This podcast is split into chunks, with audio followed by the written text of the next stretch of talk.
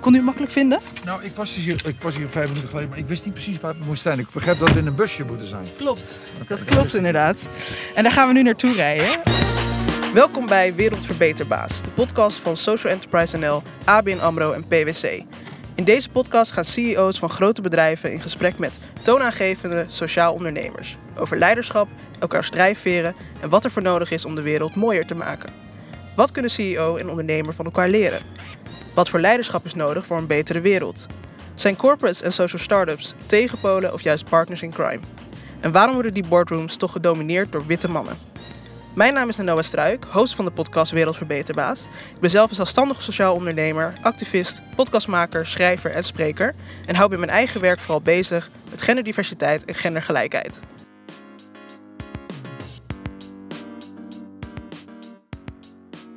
Ga ik u ondertussen proberen de weg te wijzen en proberen wat vragen te stellen. In ieder geval is het zo meteen linksaf. Yes. Super. Goed. Peter, welkom. Jij bent nu CEO van een groot bedrijf, maar weet je nog wat je wilde worden toen je klein was? Ja, op het moment dat ik uh, kon inschatten wat een uh, baan zou zijn, uh, vanaf dat moment wilde ik graag piloot worden. Aha. Piloot. En dat is het niet helemaal geworden. Dat is het helemaal niet geworden. ik ben wel heel vaak in een vliegtuig geweest, maar uiteindelijk niet als piloot. Nee, precies. En hoe, hoe komt u er dan bij dat u uiteindelijk CEO bent geworden van een bedrijf als Arcadis?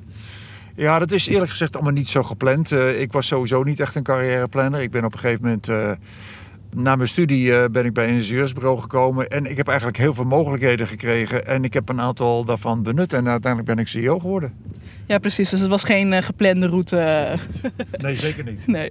We zijn onderweg naar het busje. Het, nou, het kleinste verplaatsbare hoofdkantoor van Nederland heet het.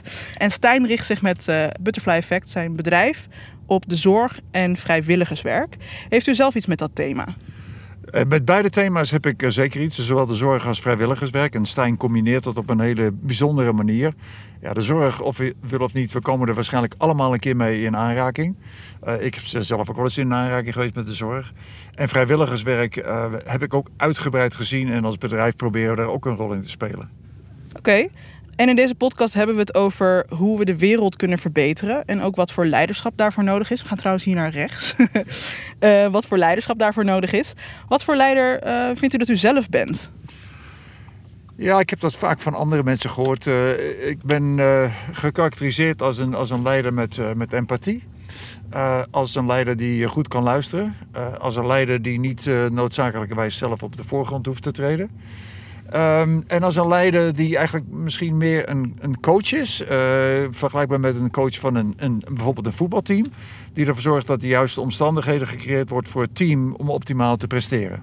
Precies, dat klinkt heel erg goed. We gaan rechtdoor hoor. Zijn er skills die je vindt dat je verder zou moeten ontwikkelen daarin? Ik denk dat je nooit te oud bent om te leren. Uh, het zijn zeker skills die je nog verder zou, uh, zou kunnen verbeteren. Aan de andere kant moet ik ook toegeven dat als ik in ruim de tweede helft van mijn carrière kom, uh, ja, dat, dat er waarschijnlijk geen uitgebreide mogelijkheid meer zou komen om die skills nog in de praktijk te brengen. Ja, ja. Nee, we zijn zeker niet te oud om te leren en we zijn ondertussen ook al bijna aangekomen bij. Gaan we hier naartoe? Ja, dit is, dit is hem. Dit is hem. Um, wat hoop je van Stijn te leren vandaag? Nou, ik ben uh, sowieso altijd heel benieuwd uh, in mensen die gepassioneerd zijn over datgene wat ze doen. Uh, Stijn is overduidelijk gepassioneerd, heeft een hele mooie combinatie van skills, wonen en, en zorg gecreëerd, voor zover ik dat kan beoordelen. En ik ben echt benieuwd wat hem gedreven heeft en waar hij mogelijkheden ziet om het nog verder te vergroten en te verbeteren. Nou, dat klinkt heel goed en ik neem aan dat Stijn je daar zo meteen helemaal in mee kan nemen. Maar het is natuurlijk een wisselwerking. Wat denk je dat hij van jou kan leren? Ja, dat is misschien een beetje pedant als ik zeg uh, dat ik weet wat Stijn uh, van mij kan leren. Want ik ken Stijn niet goed genoeg. Ik weet ook niet wat zijn behoeftes zijn. Maar ik denk dat ik door mijn zeg maar, internationale en zeer ruime leidinggevende capaciteiten en mijn netwerk misschien iets voor Stijn zou kunnen betekenen. Nou, dat gaan we dan maar onderzoeken. We zijn aangekomen bij uh, nou, het hoofdkantoor van Butterfly Effect. Uh, dankjewel dat ik met je mee mocht rijden. Uh, we gaan door. Dankjewel. Prima. Super. We hebben het gevonden hoor. Hoi, Stijn van Krij. Stijn Peter Oosterveer. Hoi. Ja, hallo. Waar, aan welke kant ging ik zitten? Ging ik hier zitten? In, u mag daar zeg helemaal in de hoek? Ja? Zeg maar jij. Je mag in de hoek. en dan kom ik ernaast zitten, dus het wordt even wat krapjes. Maar dat is even de, de charme ook wel weer. Ja, dit is... eh, welkom. welkom in het eh, kleinste verplaatsbare hoofdkantoor van Nederland. Fijn dat ik hier eh, aanwezig mag zijn. Fijn dat ik met je mee mag rijden, eh, Peter. Stijn, we zijn op een hele bijzondere locatie. Kun je me daar Klopt. eventjes wat over vertellen? Want ik denk dat jij het beste weet waar we zijn. Ja, we zijn hier op Landpark Assisië. Een locatie van de zorgorganisatie Prisma. En hier wonen ruim 250 mensen met een verstandelijke beperking. En het is een hele landelijke omgeving. Dus om ons heen zie je vooral weiland en wat bomen. Aan de ene kant en aan de andere kant zie je de gebouwen waar mensen van Prisma wonen. Ja, en waar zitten wij nu precies in? We zitten in het kleinste verplaatsbare hoofdkantoor van Nederland. Ja, Een busje van Butterfly Effect, wat we gebruiken om eigenlijk ontmoetingen te realiseren nog voordat onze huisjes op een terrein staan. ja. Dus eh, vandaar dat we hier eh, afspreken. ja en nu is het eh, even omgebouwd tot podcaststudio op wielen. Hartstikke leuk. Leuk dat ik aanwezig mag zijn en leuk dat jullie er zijn. Je hebt al een klein beetje verteld, maar Stijn, kun je wat over jezelf vertellen en over Butterfly Effect? Ja, ik ben Stijn van Krij, eh, oprichter van Butterfly Effect en ik werk nu zo'n 20 jaar in de langdurige zorg. En Butterfly Effect is ontstaan vanuit het idee dat we de zorg echt op een totaal andere manier moeten vormgeven. Namelijk veel meer met mensen, waarbij gewone mensen met elkaar eh, samenleven, zodat ze minder afhankelijk worden van zorg. En dat vraagt echt om een verandering van eh, ook dit soort terreinen. En eh, wat we doen is, we plaatsen huisjes voor vrijwilligers op dit soort zorglocaties. Ja, en is dat al iets wat al veel gebeurd is? Want je je bent nog niet heel lang begonnen hiermee, toch? Nee, we bestaan drie jaar en eh, het is echt een start-up, dus het is nog heel klein. En we beginnen nu langzaam de eerste projecten te realiseren. We hebben ook te maken met omgevingsvergunningen, dus dat duurt vaak even. Maar op dit moment zijn er vier projecten in ontwikkeling en lopen er een aantal verkenningen. Ja. En we zien dat er steeds meer zorgorganisaties zijn die begrijpen wat we bedoelen. En ook zien van dit is van grote toegevoegde waarde voor hun cliënten, maar ook voor medewerkers. Ja, want waarom is Butterfly Effect nodig volgens jou? Ja, de zorg in Nederland is op dit moment in mijn ogen echt in een crisis. Dat hoor je ook al wel een beetje en door de coronacrisis is dat versneld. We komen simpelweg de mensen tekort om op deze manier het stelsel voor te zetten. En de vergrijzing wordt nu al vooral als een probleem gezien. Omdat daar natuurlijk oudere mensen eh, met zorgvragen op ons afkomen. Ik zie vergrijzing alleen ook als kans. Je hebt ook heel veel mensen die nog heel lang vitaal blijven en die heel veel talent en tijd hebben. En daar ook eh, betrokken kunnen blijven bij die gemeenschappen. Ja. Dus, maar dan moeten we wel anders gaan samenleven met elkaar. Waarom ben jij dit specifiek begonnen? Wat trok jou hier nou naartoe? Ik denk twee dingen. Ik, ik was al langer geïnteresseerd in de manier waarop we in de zorg samenwerken. En met name het probleem wat ik zag was dat we ervan uitgaan dat de professional altijd het beste weet wat goed voor iemand is. En we hadden het er steeds vaker over in meer eigen regie, het betrekken van andere mensen.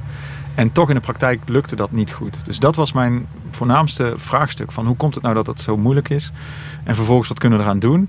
En dat was eigenlijk het tweede thema. Ik was heel geïnteresseerd in kleiner wonen met minder spullen. Dit campertje is natuurlijk ook een voorbeeld van kleiner wonen en kijken wat heb je nou echt nodig. En die combinatie leidde ertoe dat ik dacht van wat gebeurt er als we mensen op een terrein bij elkaar brengen.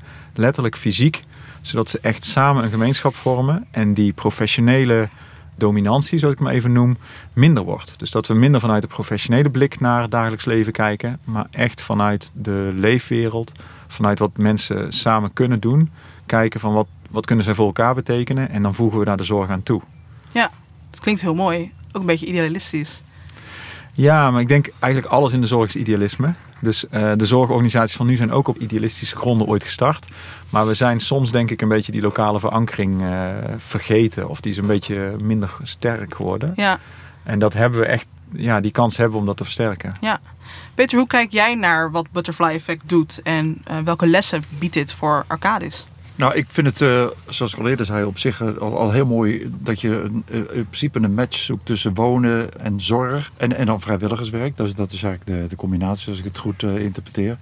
Ik ben het volledig een beetje eens als je beschrijft dat de zorg zoals die gegroeid is in de afgelopen jaren, best op zeer hoog niveau. Ik heb in andere landen in de wereld ook geleefd en ik kan je garanderen dat de zorg in Nederland op een hoog niveau zit. Maar we weten ook dat het niet duurzaam is, om dat woord maar een keer te gebruiken. Duurzaam in de zin van financieel haalbaar bijvoorbeeld. Eh, Veel mensen denken dat er in de zorg continu gekort wordt op eh, de financiële middelen. Dat is helaas geen feit. Integendeel, uh, er wordt meer en meer aan uitgegeven, maar er is ook meer en meer behoefte. Dus dat we op een andere manier naar de zorg moeten gaan kijken en op een andere manier met de zorg om moeten gaan. En eigenlijk ook beter de connectie moeten zoeken tussen mensen die zorg behoeven.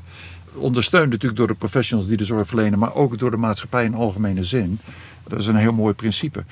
Wat dat voor Arcades zou kunnen doen, ja, wij staan in principe in de samenlevingen waar wij in opereren, dus over de hele wereld. We zijn ook een reflectie van de samenleving. Ik denk dat uh, wat Stijn laat zien is dat je uiteindelijk door connecties te maken uh, problemen op een andere manier kunt benaderen. En uiteindelijk ook efficiënter kunt oplossen. Dat wordt met een mooi woord wel eens een ecosystem genoemd. Nou, dat woord ga ik ook niet veel meer gebruiken. Maar ik denk wel dat we meer en meer moeten gaan zoeken naar die combinaties. waarbij je gezamenlijk uh, zorgt voor een, uh, een betere oplossing. Stijn, in jouw droom, wat zou Arcades morgen anders moeten doen? Ja, dat weet ik niet. Ik denk niet dat ze iets, echt iets anders moeten doen. Want ik, vind, ik denk dat er best veel overlap is in wat we be willen bereiken. Alleen de schaal van Arcades is enorm veel groter. Zie je, heb je daar ook uh, ambities in dat je dat ook wil zo groot? Ja, hoewel ik denk dat het ook niet voor niks is dat je in 1988 of 1888 begint, 1988 begint, dan, dan ben je alweer een eeuw verder. Dus nee, ik geloof wel in de schaalbaarheid van oplossingen. Dus wat ik met Butterfly Effect ook beoog is dat onze oplossing schaalbaar is. En daarmee bedoel ik dat we eigenlijk onze processen, maar ook de oplossing proberen te vereenvoudigen, zodat die zo goedkoop mogelijk wordt voor alle stakeholders en zo efficiënt mogelijk. Dus daar zit denk ik een parallel. Tegelijkertijd, butterfly effect is minuscuul.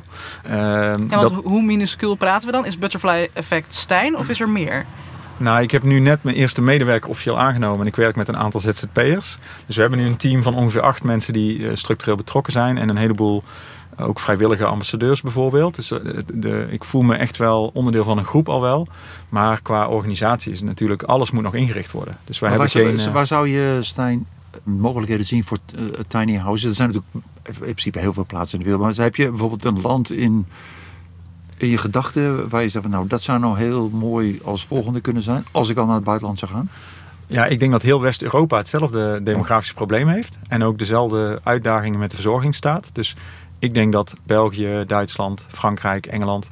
overal zie je dat daar in ieder geval het zorgstelsel onder grote druk staat. En dat ligt nog het dichtst bij wat wij hier doen. Dus dat zou denk ik de meest logische stap zijn. Omdat je altijd per land moet uitvogelen hoe werkt hier het zorgstelsel enerzijds. Wat zijn daar de prikkels die mogelijk verkeerd staan.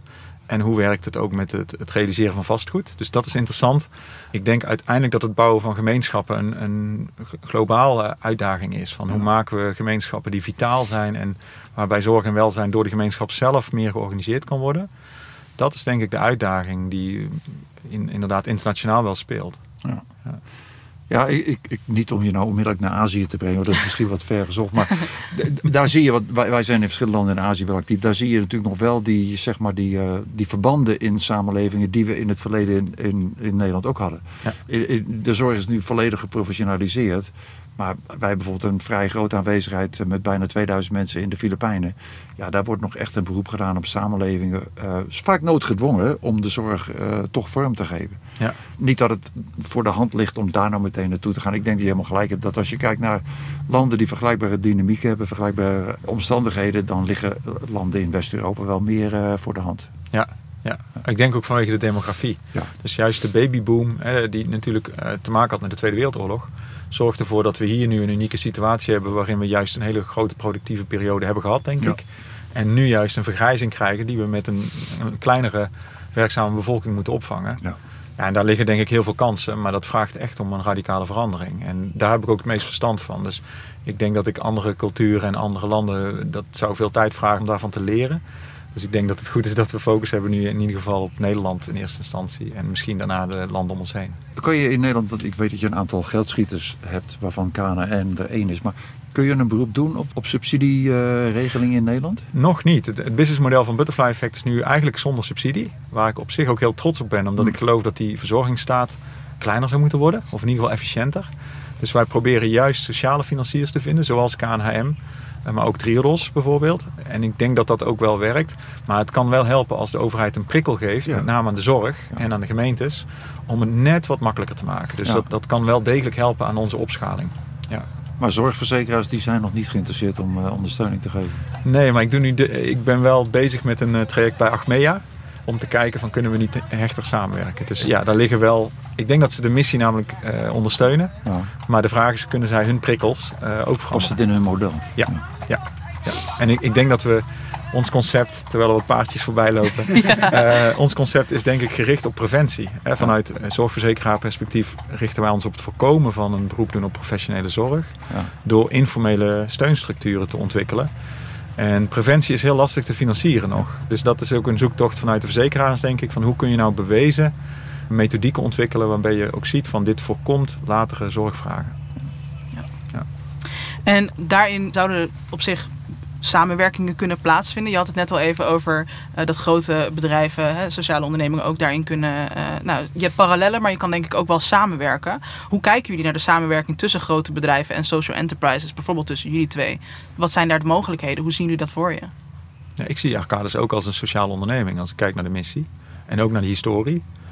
En ik denk, nou bijvoorbeeld, er is advies vanuit Arcades geweest over de restwaarde van onze woningen.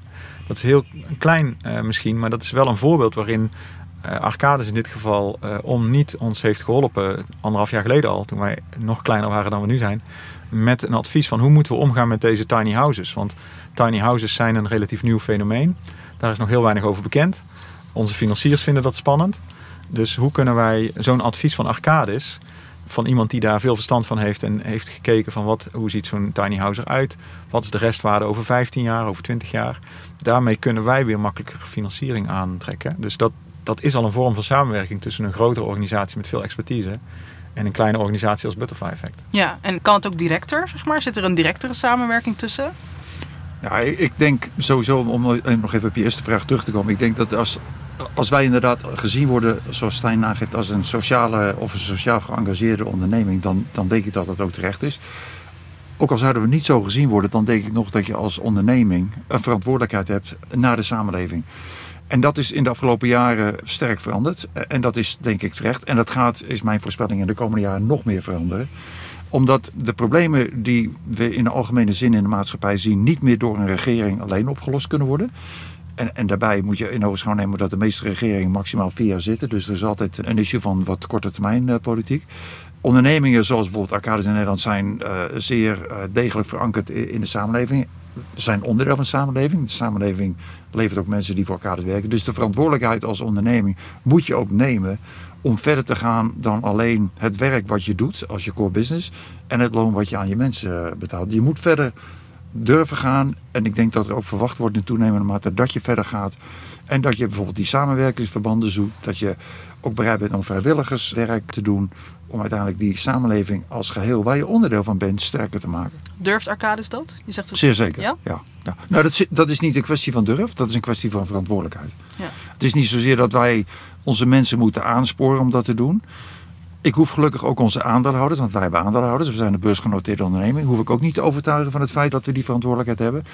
Dat is allemaal heel sterk veranderd. En, en nogmaals, ik voorspel dat het in de directe toekomst nog sterker gaat veranderen. Dat er nog meer gekeken wordt naar ondernemingen als een, een onderdeel van het systeem, wat uiteindelijk maatschappij uh, en samenleving beter moet maken. Ja, ik bedoel, deze podcast heet ook Wereldverbeterbaas. Wij, wij geloven daar ook helemaal in. Maar wat zijn daarin dan de uitdagingen? Wat zijn voor Arcades de uitdagingen als het gaat om jullie maatschappelijke rol daarin? Nou ja, de uitdaging is natuurlijk dat je, als dat een geaccepteerd iets is, dat, dat ondernemingen dus die rol moeten spelen, dat je ook een verwachtingspatroon hebt. En de uitdaging is waarschijnlijk dat je niet in alle gevallen aan dat verwachtingspatroon kunt voldoen. Kijk, we zijn uiteindelijk een onderneming die alle stakeholders die we hebben, ons personeel, onze klanten, onze aandeelhouders tevreden moeten stellen.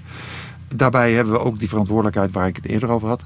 Maar met die verantwoordelijkheid komt een verwachtingspatroon. En ik durf wel te zeggen dat het managen van dat verwachtingspatroon, dat we niet overal ter plekke kunnen zijn om aan bepaalde lokale verwachtingen, dat dat misschien wel het meest moeilijk wordt. Dus je moet daar gewoon eerlijk in zijn, je moet er reëel in zijn een, een verwachtingspatroon creëren wat, uh, wat je kunt inlossen. Want anders uh, creëer je alleen maar teleurstelling. Ja, uiteraard. En voor jou, Stijn, uh, wat zijn uitdagingen die jij tot nu toe hebt moeten doorstaan met Butterfly Effect? Nou, eigenlijk hebben we denk ik ook wij hebben wel dezelfde dynamiek, alleen op kleinere schaal met de stakeholders die we betrekken. Dus wij werken voor zorgorganisaties. Die kijken toch ook wel terecht, denk ik, kritisch naar. Het is, een onderne- het is een sociale onderneming, maar hoe sociaal is die nu werkelijk? Hoe is dat geregeld? Dus hoe hebben wij onze governance geregeld? En eh, onze financiers willen natuurlijk ook goed weten van oké, we vragen een lager rendement van hen. En daar moet natuurlijk een sociaal rendement tegenover staan. En, en dat vind ik ook wel interessant aan Arcades. Als je kijkt naar een beursgenoteerd bedrijf, was dat vroeger misschien in de ogen van mensen, ik weet niet of het zo was, maar vaak uh, winstgeoriënteerd. Hè? Dus dat is de primaire uh, focus als profit. Maar is dat is aan het verschuiven, denk ik, naar een balans tussen profit en purpose. En met name ook geen schade toebrengen aan de wereld. Uh, ik weet niet, ja, zijn daar, dat, is al aan het verschuiven, zeg je. Is dat, wat verwacht je daarin? Welke trends zie je daarin? Nou, voor ons zijn de drie P's uh, heel relevant. Planet, people en profit. Uh, en ik denk zelfs dat je ook in die volgorde moet denken. Want zonder een planet is de rest denk ik irrelevant. Ja. en zonder mensen zullen we waarschijnlijk ook niet makkelijk een profit creëren. Dus wat dat betreft is dat de volgorde. Ja, het, het, is de afgelopen jaren ontzettend sterk uh, veranderd. Als ik nu met aandeelhouders, de mensen die echt een aandeel in Arcades uh, praat, en dat doe ik zeer regelmatig. Maar heel zelden zijn ze echt geïnteresseerd in onze financiële performance. Nou, dat is misschien logisch, want we doen het als bedrijf best goed. Ja. Dus daar kunnen ze best comfortabel over zijn. Maar in toenemende mate, en soms exclusief, spreken we over ja.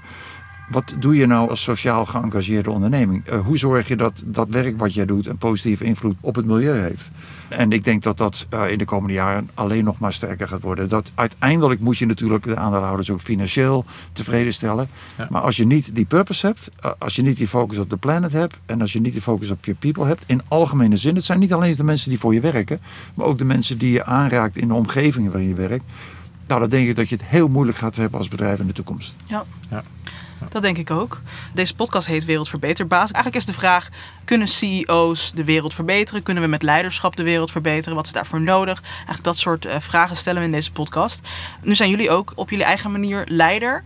Hadden jullie vroeger een rolmodel in dat leiderschap? Nou, het rolmodel. Ja, ik heb, ik heb denk ik in mijn leven wel het geluk gehad dat ik met verschillende mensen heb mogen werken die mij geholpen hebben. Die voor mij ook als voorbeeld uh, golden. Ik denk dat we ons waarschijnlijk moeten beperken tot mensen die ook in het algemeen bekend zijn. Voor mij is Nelson Mandela een absolute rolmodel. In wat voor zin kunnen ze zeggen? Nou, als je, als je kijkt wat de man heeft meegemaakt uh, en, en hoe hij dan uh, uiteindelijk kijkt naar alles wat hem overkomen is. En, en hoe hij heeft kunnen accepteren, wat ik ontzettend bijzonder vind, dat die omstandigheden zo waren. En zonder uh, wrok uiteindelijk aan het werk is gegaan om de wereld waarin hij leefde toch een betere plek te maken ja, dan denk ik dat ik maar heel weinig mensen ken die iets vergelijkbaars hebben gedaan. Sterker nog, denk ik helemaal niemand. Helemaal niemand, nee. nee. nee. Maar je neemt altijd een beetje Nelson Mandela mee in jouw leiderschap dus.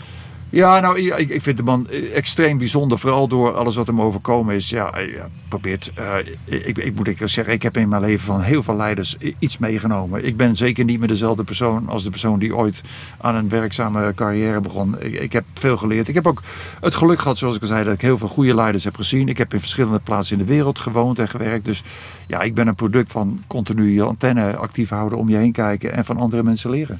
En hoe is dat voor jou, Stijn? Heb jij uh, rolmodellen of had? Ja, dat zijn dan meeste combinatie denk ik van muzikanten. Uh, ik ben uh, muziektherapeut van opleiding oorspronkelijk. Dus, dat, dat is ook uh, nog wel heel interessant om eventjes over door te vragen. Want hoe ben je in hemelsnaam gekomen van, van muzikant naar wat je nu doet? Ja, ik denk muziektherapeut gaat wel over zorgverlenen en muziek als middel daarin. En ik ben altijd muziek blijven maken. Maar ben al vrij snel op een andere manier in de zorg gaan werken. Eigenlijk omdat ik toen al zag dat de muziektherapeut lang niet altijd voldoende toegevoegde waarde heeft als andere dingen nog niet goed genoeg geregeld zijn. Maar muziek is wel een bindende kracht die gemeenschappen ook weer verbindt. Dus als je kijkt naar wat de rol van muziek in gemeenschappen, dan is dat best een belangrijke rol. Maar die is vrij subtiel. Of die, die, die nemen we pas waar als die er niet meer is. Uh, denk ik, over het algemeen. En ik, heb altijd rondom Den Bosch gewoond. Ik woon nu in de stad. Carnaval zonder blaasorkestjes is geen carnaval daar. Dus je ziet dat muziek daar uh, ook een, een hele verbindende rol speelt. Dus dat is denk ik voor mij zijn, zijn songwriters die vraagstukken weten te agenderen. En dat is ook bijvoorbeeld een John Lennon wel echt een voorbeeld. Want ik denk dat je op die manier globaal soms echt heel veel impact kunt maken door een visie naar voren te brengen via jouw muziek. En ik denk dat dat zeker nu met sociale media nog veel sneller gaat. Dus je ziet dat, dat nieuwe ideeën veel sneller zich verspreiden. Ja. Je zegt je uh, idool of je uh, rolmodel uh, John Lennon, een muzikant. je bent zelf muzikant, zeg je. Je hebt ook nog een nummer geschreven, uh, vertel je ons. Vertel daar eens ja, over. Ja, dat klopt. Ik heb een jaar of tien geleden het liedje Microsong geschreven. En dat ging over een verlangen naar een kleinere wereld voor kleine mensen met kleine organisatietjes. En toen bestond Butterfly Effect nog helemaal niet. Dus het was meer mijn behoefte aan wat is nou de essentie van een waardevol leven. Met minder spullen en met meer een focus op wat het is om, om gelukkig samen te zijn. En dat liedje heet dus Microsong. En achteraf gezien zitten daar een aantal kernwaarden van Butterfly Effect in verwerkt. Eh, maar daar kom je dus na vijf jaar of zo pas achter. Mooi, en daar gaan wij zo meteen even naar luisteren. En wat voor kwaliteiten heeft een leider volgens jullie nodig? Ik had net al eventjes met Peter in de auto over je eigen kwaliteiten, waarin jij als leider goed bent. Wat zijn kwaliteiten, skills die een leider nodig heeft, ook met het oog op sociale impact die die uh, zou kunnen maken als leider zijnde? Nou, ik, ik denk dat je als leider, uh, hoe dan ook, uh, is toch weer een Engels woord, een rolmodel moet zijn. Je moet denk ik wel een voorbeeld zijn. Ik persoonlijk vind integriteit extreem belangrijk. Uh, transparantie. Dat je zegt wat je gaat doen en vervolgens uh, doen wat je, wat je gezegd hebt. Empathie is denk ik in uh, toenemende mate belangrijk en terecht. En, en het hebben van een actieve sociale antenne is denk ik heel belangrijk. En dan komt de rest volgens mij vanzelf. dat is een goed begin. ja. ja, ik geloof ook heel erg in dat persoonlijk leiderschap. Dus als je, zoals je jezelf leidt als persoon. En dat is denk ik een leven lang oefenen dat vertaalt zich uiteindelijk ook in de waarde die je uitstraalt. Dus dat is belangrijker dan wat je zegt. Het is belangrijk natuurlijk wat je doet. En uh, er zijn veel sirenes om ons ja, heen. er gebeurt van alles hier uh, in Biezenmortel. heel rustig hier. um, Wist je dat er zoveel politie, politie was in Biezenmortel? Nee joh, hebben ze hier een politiebureau. um, maar ik merk zelf dat hoe meer ik nu met het bedrijf bezig ben en, en het laten groeien, ik ben nu vaak zelf de bottleneck. Dus uh, ook weten waar je goed in bent, maar ook juist weten waar je niet goed in bent. En waar je dus betere mensen voor zoekt. En het dan loslaten. Is denk ik ook voor mij in ieder geval nu in de fase waarin ik nu zit. Maar ik kan me voorstellen dat dat voor een groot bedrijf minstens zoveel geldt. Dat je heel goed moet weten waar ben ik van. En waar ben ik niet van. En dat ook laten zien aan mensen. Zodat zij zich ook soms kwetsbaar durven op te stellen. En te zeggen van nou hier heb ik geen verstand van daar moeten we iemand anders voor uh, inhuren of, of erbij vragen. Dat is denk ik ja. ook wel een, uh, een, een, belangrijke eigenschap. Ja, ja ik ben ik helemaal met je eens. Ik denk dat je ook als leider, en dat, je ziet heel vaak dat dat, uh, zeker als leiders, meer en meer ervaren denken te worden, dat dat het meest moeilijk is om toe te geven dat er bepaalde dingen zijn die ze niet kunnen. En die hebben we allemaal. En, en daar dan ook op de juiste momenten andere mensen voor te kiezen. Dus ik denk dat je daar terecht punt. Je zei trouwens ook iets anders wat, wat helemaal juist is. Ik denk dat mensen over het algemeen niet zozeer kijken naar wat je zegt, maar meer naar wat je doet. Ja, uh, en uiteindelijk moeten je acties wel je woorden volgen. Ja, zeker. Een beetje show don't tell uh, principe, ja. zeker. Ja. ja. En uh, als sociaal ondernemer, zijn er nog specifieke dingen die jij als sociaal ondernemer zegt, dit zijn kwaliteiten die daarbij horen, bij het sociale ondernemerschap? Nou ja, ik denk in mijn geval vind ik de visie waarop we kijken naar de wereld het meest belangrijke. Dus uitleggen waarom we dit doen en wat onze visie is. En de urgentie met name ook uh, laten zien. Niet alleen naar de mensen in de organisatie. Maar juist ook naar al die andere partijen die daaromheen staan. En soms nog een beetje staan te kijken van uh, wat zijn jullie nou aan het doen met huisjes voor vrijwilligers. Wat, wat een raar idee. Om dat elke keer duidelijk te maken. En dat is volgens mij voor mij in ieder geval het meest belangrijke wat ik doe. En wat ik ook wel leuk vind om te doen. Omdat je, dat gaat vooral om een soort missie uh, uitdragen. En zorgen dat die grotere partijen daarop aan kunnen haken. Ja. En uh, dat vind ik ook echt heel leuk als dat lukt. Want Ja. dan kun je met een kleine onderneming eigenlijk heel veel impact creëren met die andere partijen. Dus is niet iets wat je in het eigen bedrijf eigenlijk doet. Maar in dit geval bijvoorbeeld met Prisma als zorgorganisatie. Je bent echt samen aan het veranderen. En dan krijg je dus zo'n historie gewoon erbij. Die neem je eigenlijk mee in je ontwikkeling. Peter, wat vind jij het meest moeilijk in jouw rol als leider? Ja, weet je, uh, aan het einde als leider en zeker als CEO zijn er op een gegeven moment toch altijd situaties die jou, zeg maar, als het ware op de spot zetten om uiteindelijk een beslissing te nemen. En je kunt daarin allerlei processen volgen waarbij je in eerste instantie inclusief wil zijn, dat je iedereen een stem wil geven. Maar dan komt er toch een moment dat iedereen naar jou kijkt en nou zeg het nou maar. Ja. Uh, en dan weet je per definitie dat zeker als het een gevoelig onderwerp is, ja, dat er ongetwijfeld een aantal mensen zijn die uh, het wel zullen accepteren, maar er niet blij mee zijn. Dat, dat is denk ik als leider over het algemeen toch wel het moeilijkste. Hoe ga je daar dan mee om? Nou ja, je, moet, je weet ook dat je als leider op een gegeven moment moet je die beslissing nemen. Want eh, je kan er ook niet mee blijven dralen. Want dan verlies je ook aan krediet als leider. Dus je moet op een gegeven moment, als je alle stemmen gehoord hebt. Ja, dan moet je ook eh, die, eh, die keuze willen maken. En ik wil daarmee niet suggereren dat dat een, aan de dagelijkse orde is hoor. Absoluut. Ik kan me nog een voormalige CEO herinneren die zei van nou je moet je wel realiseren dat mocht je ooit CEO worden. Dat is wel een hele eenzame rol. Toen dacht ik van nou, dan ben ik toch benieuwd hoe dat gaat. Nou, ik zou het zeker niet als een eenzame rol willen beschrijven. Maar wat moeilijk is, of het dan gewoon op een gegeven moment toch tot die eh, spanningen kan leiden, is als je eh, in een controversiële situatie toch de finale beslissing moet nemen. Ja. Wacht wel even deze En, en wat verder altijd moeilijk blijft, en, en helaas heb ik ook dat soort eh, periodes in mijn leven meegemaakt. Ik ben eigenlijk mijn hele leven in de serviceindustrie werkzaam geweest, dus met mensen. Ik, ik heb nooit in een productomgeving gewerkt waar producten gemaakt werden, altijd met mensen. Ja, en dan ben je natuurlijk toch afhankelijk van, van de economische eh, cycli. Eh, en, en er zijn momenten van extreme vreugde als de business groeit en je hebt meer mensen nodig. Maar er zijn ook de, de minder plezierige momenten als de business eh, niet groeit. En, en je niet kunt veroorloven om de mensen te houden. En dat blijft gewoon het meest vervelende moment. Stijn, hoe is dat voor jou als leider van een groepje van acht? Wat bedoel je? Wat, hoe nou, wat, zeg maar, wat zijn voor jou moeilijke dingen? Wat, waar loop jij tegenaan?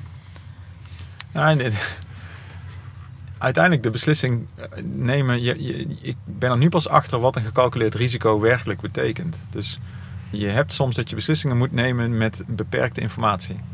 Of dat je zelfs weet van nou, ik heb eigenlijk een behoefte aan meer informatie. Of een, een uitgebreider contract bijvoorbeeld, uitgebreider overeenkomst. Maar daar gaat weer twee maanden overheen en dan is de situatie misschien weer verslechterd. Dus we gaan toch gewoon nu een overeenkomst aan dan neem je dus een gecalculeerd risico. Eh, maar je kunt dat risico niet tot achter. Je weet niet hoe, hoe, hoe precies. Dus je weegt het dan. En dat vind ik ook onderdeel van een start-up. Dus je moet die risico's wel ook nemen om er te komen, denk ik. Maar dat vind ik wel een nieuwe. Dat is voor mij heel nieuw. Want ik heb altijd in organisaties gewerkt waar ik niet die eindverantwoordelijkheid had, maar ook de risico's eigenlijk heel bekend waren. En, en dus eigenlijk een hele stabiele sector met een stabiele omgeving, relatief. En als start-up voel je je wel kwetsbaarder. Maar voel je ook dat je iets in handen hebt. Dus dat vind ik ook wel, hoe, hoe langer je dit doet. Op een gegeven moment merkte ik gewoon, het businessmodel wat we hebben is overeind gebleven. Sterker nog, het is langzaam sterker geworden. En als je dat hebt, dat geeft ook wel heel veel eh, vertrouwen. En ook, het is een soort avontuur. Waarbij je merkt van, het gaat gewoon lukken. En, en elke keer haken er weer partijen aan. Maar ik vind soms inderdaad het, het gecalculeerde risico. En dat vind ik ook interessant. Als je, als je hebt over eh, arcades, het potential unforeseeable events. Nou, we hebben nu in de wereld denk ik heel veel eh, unforeseeable Het events. blijft maar doorgaan. Het is, ja, zo is het leven denk ik ook wel. Maar ja, dat is op kleine schaal. Als een start-up heb je een aantal onverwachte gebeurtenissen. Maar bijvoorbeeld de Oekraïne-crisis heeft een direct effect op de bouwprijzen. En heeft een direct effect dus op onze business case. Ja, dat is voor ons een probleem, maar dat zal voor Arcades ook veel impact hebben. En ja, dan ben ik ook wel benieuwd naar hoe jullie dat doen. Want ja, in hoeverre kun je alles eh, voorspellen? Ja, ja, dat kun je dus niet, inderdaad. Eh, wat dat betreft is de dynamiek niet anders dan wat jij beschrijft. En ik wil overigens dat toevoegen dat. En, en het lijkt erop, Stijn, dat je dat al dat comfort al hebt. Dat je op een gegeven moment ook een beslissing moet nemen. Want om meerdere decimalen achter de komma proberen de, de nauwkeurigheid te krijgen. Ja, creëert vaak weer een nieuwe situatie waar je weer van voren aan kan beginnen. En je, en je leert waarschijnlijk ook op een gegeven moment je intuïtie. eh, die ook een rol gaat spelen, wel te vertrouwen. Eh, dat is denk ik eh, belangrijk. Voor ons ja, als bedrijf actief in 70 landen is dat natuurlijk aan de orde van de dag. De risico's liggen continu op de loer. En dan is het uiteindelijk als bedrijf belangrijk om nou, proberen die risico's zo vroeg mogelijk te identificeren. Hadden wij drie maanden geleden kunnen voorzien dat er een oorlog in de Oekraïne zou eh, beginnen? Ja, je kunt niet zeggen waarom niet, want er waren 150.000 troepen samengetrokken aan de grens. En dacht je dan dat het niet zou gebeuren? Nou, ik dacht dat we massaal dachten dat het niet zou gebeuren. Het gebeurt toch. Ja. Dus ja, hoe ga je dan vervolgens daarmee om? Eh, ja, wij proberen, omdat ons werk natuurlijk eigenlijk op elk project wel risico's in zich heeft, maar dat naar een macroniveau terug te brengen en dan zo goed mogelijk eh, op regelmatige schaal te kijken wat zijn de ontwikkelingen in de wereld, hoe kunnen we ons risico eh, verkleinen. En, en dat is een continu proces bij ons. Want ja, is het niet in de Oekraïne, dan, dan kan het bijvoorbeeld in Myanmar zijn, waar wij ook eh, weliswaar op bescheiden schaal, maar ook act- actief waren. Dus ja, je leert wel, of je realiseert je dat je gewoon continu moet kijken naar die risico's. En die komen in toenemende mate van alle gaten en alle hoeken. Ik wil cybersecurity is voor ons een van de grootste risico's. En toch is waarvan ik af en toe wakker lig, dan is het cybersecurity. Want ja, dat kan uit alle kanten komen. Aan de andere kant, en dat is misschien ook wel iets wat je uiteindelijk met uh, het vorderen van de jaren zeg maar, leert, is dat je ja, weet dat er altijd weer een nieuw risico is. Ja. Hoe gek het ook klinkt. Ja. ja, dus je moet een comfort vinden in het niet weten eigenlijk. Ja, ja. Ja. klopt. Is het nou hoopvol voor jou? Of denk je, wat, wat, wat geeft jouw antwoord dit, uh, of dit antwoord jou? Ja, zeker. Ik denk zeker hoopvol. Omdat je, in die zin is het gewoon op grotere, veel grotere schaal natuurlijk. Maar de risico's zijn, je hebt ook weer een ander soort risicoset als arcades. Omdat je juist, die omvang geeft ook een zeker comfort. Ja. Dus het is, het is interessant. Ik vind het heel interessant om te zien dat je dezelfde principes hanteert, alleen op een totaal andere schaal. En, en uh, ja, dat vraagt een andere vorm van leiderschap. Maar dat, denk ik. En ik, uh, ik zou het niet weten hoe het is, want dat vind ik ook wel leuk. Om op die plek te komen, lijkt me een hele reis. Maar het lijkt me ook gewoon zoeken van zo'n zo'n organisatie is zo groot. 30.000 mensen ongeveer. dat, dat Is, ja, die ken je natuurlijk niet nee. uh, allemaal. Dus daar ken je maar een, een, heel klein setje van. En hoe, ja, dat, hoe doe je dat? Ja. Nou ja, als, als leider, ik, ik, ik kan wel zeggen dat ik, dat ik heel comfortabel ben geweest mijn hele leven om dingen te delegeren. Dat betekent niet dat ik alles van mijn bord afschrijf en zoveel mogelijk aan een ander geef. Maar een van de fundamentele principes die ik eigenlijk mijn hele leven wel eh, gehuldigd heb, is dat op het moment dat je met een team begint te werken aan iets, eh, en dat kan zijn in mijn geval vijf jaar geleden toen ik bij Arcades kwam, dan kijk je natuurlijk ook wel wat voor vlees je in de kuip hebt, probeer je een team te bouwen en je probeert ook te kijken naar nou, wie is eigenlijk mijn opvolger. Ik, ik heb nooit een baan langer gehad als nou, vijf jaar. Uh, bij Arcades dan in dit geval. Ik ben daar nu vijf jaar. En bij mijn vorige werkgever ook vijf jaar. Maar daarvoor was het altijd twee, drie jaar. En ja, je weet dat als je uiteindelijk uh, naar een nieuwe mogelijkheid wil toegroeien. Dan moet je ook zorgen dat je je, je baas het comfort geeft. Dat je het aan een ander kan overgeven. Dus het zoeken naar een, een goed team, een sterk team. Die op eigen benen kan staan. En waarbij je ook in principe je opvolger al binnen het team hebt is denk ik iets wat wel van essentieel uh, belang is. Waar wil je dat het bedrijf over 3,5 jaar staat, uh, Stijn? Omdat je die, die termijn uh, beschreef. Nou, dan wil ik dat we ongeveer 500 woningen met buurtverbinders, dus met die vrijwilligers die actief zijn voor hun buurt, dat we die hebben staan. Of in ieder geval in ontwikkeling hebben. Ligt een beetje aan de snelheid van de overheid of dat zal staan. Maar in ieder geval dat we daar staan qua grootte. Dus dat we echt wel, een, dat is voor ons eigenlijk een uh, vertienvoudiging ongeveer. Ja. Maar daar wil ik wel uh, staan. En dan kom je verder richting de... Uiteindelijk over tien jaar willen we 10.000 buurtverbinders in Nederland huisvesten. Is het haalbaar? 500? In 3,5 jaar? Ja. ja, als ik zie met de partijen waarmee ik nu in gesprek ben... denk ik dat het, de, de maatschappelijke behoefte is veel groter. En dus 500 is natuurlijk een druppel op de gloeiende plaat... als het gaat om de zorg en om wonen. Maar wij moeten dat als bedrijf wel kunnen. Ja. Goed. Er is toch iets wat we ook in deze podcast graag willen bespreken. En dat vind ik heel grappig dat we dat nu doen, want we zitten nu met een Peter. De vraag is, waarom zijn er toch zo weinig vrouwelijke CEO's in Nederland? Sterker nog, er zijn meer CEO's die Peter heten dan dat er vrouwelijke CEO's zijn. Nou ga ik hem dan eigenlijk direct aan Peter stellen. Peter, hoe komt het en hoe kunnen we dat verbeteren? Ja, het is uh, zonder twijfel een, een schrijnende statistiek. Niet iets waar ik als Peter trots op ben en waar we als man trots op zouden moeten zijn. En, en het heeft natuurlijk alles te maken met aannames. aannames die mensen in het verleden en in zekere zin nog steeds doen. En, en het is natuurlijk stuitend dat we, laten we zeggen, een groot deel van de populatie en een groot deel van de capaciteit die we hebben, ja, dat we die ongebruikt laten. Uh, door van allerlei aannames, uh, zoals bijvoorbeeld, ja, als een vrouw op een gegeven moment uh, tien jaar bij ons werkt, dan heeft ze waarschijnlijk andere ambities en dan kunnen we niet meer gebruiken. Je kunt er nog steeds prima gebruiken. Dus het is vooral gebaseerd op aannames en het zal ook weer terugkomen op een van de thema's waar we het eerder over hadden, in leiderschap, om dat te veranderen. En dan moet je gewoon ja, toch best een stevige positie in durven aan te nemen die ook wel weer wat ongewenste neveneffecten heeft. Uh, ik heb in mijn team een team van zes, drie vrouwen en drie mannen. En dat is een goed begin. Uh, eh, 50% is dichter in de buurt bij waar de, waar de statistieken eigenlijk liggen. Laten we eerlijk wezen. Maar we hebben als bedrijf daaronder ook nog heel veel werk te doen. En dat betekent toch dat je. En ik hoor soms als mannen zeggen: ja, je bevoordeelt nu een vrouw.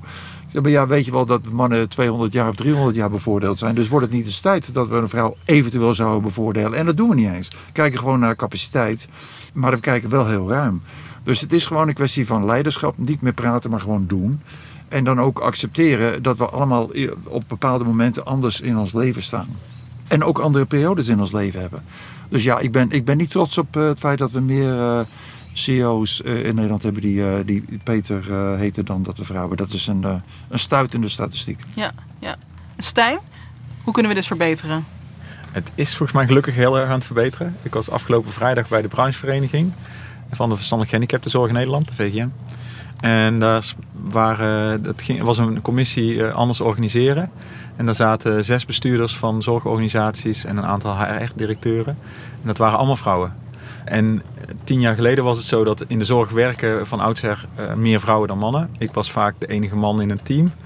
En aan de top werd dat opeens anders. Dus hoger in de organisatie werden het opeens mannen. Ja, precies. En uh, ik denk dat dat in de zorgwereld al heel hard aan het veranderen is. En ik heb ook nog een tijdje in het ziekenhuis gewerkt. En je ziet dat daar wel die verhouding heel anders is. Juist denk ik ook in de opleidingen al dat dat aan het verschuiven is. Dus ik ben wel blij dat dat verandert. En het is juist opvallend dat met zo'n vernieuwende commissie die zich richt op anders organiseren, dat daar dus ook juist deze uh, bestuurders kiezen om in die commissie te gaan zitten. Uh, dus ik denk ook dat dat een soort verbindend leiderschap is, misschien wat zij te brengen hebben, wat uh, heel belangrijk is voor de vernieuwing in de zorg in dit geval. Dus ik denk dat er ook wel heel veel trends zijn die al uh, ja, hierop vooruit lopen, gelukkig. Ja. ja. en hoe is dat binnen jouw team van ZZP'ers? Ja, ik denk wel een beetje verdeeld. Goed. Dus um, een van mijn belangrijkste coaches is uh, Cynthia van Doren. En dat is een, een iemand met een hele grote zakelijke achtergrond. En die helpt mij heel erg op zakelijk gebied, maar ook op persoonlijk gebied. En ik denk dat ons, ja, we hebben gewoon een heel klein team. Dus voor de recruitment hebben we nu ook een vrouw. Maar eerlijk gezegd ben ik daar nog, dat is nog zo minuscuul dat ik daar nog niet, als ik daar ook nog heel erg op zou moeten sturen, ja, dat is nog niet eens sturen. Het is gewoon kijken wie is, wie is het meest geschikt. Ja. ja. Nou, dankjewel heren. Dank voor dit waardevolle gesprek. Ja, ook, uh, ook bedankt. Ik heb het ontzettend interessant gevonden en ik heb er ook veel voor opgestoken. Ja, geldt voor mij ook. Leuk om kennis te maken en uh, van elkaar te leren. Ja, en het was zeker een bijzondere locatie en ik vind het voor herhaling vatbaar. Zeker. Ja, mooi. mooi. Dankjewel. I dream up a little world every day Where everything big has been replaced Where all we need would simply fit Inside a tiny micro-traveler's kit How great that would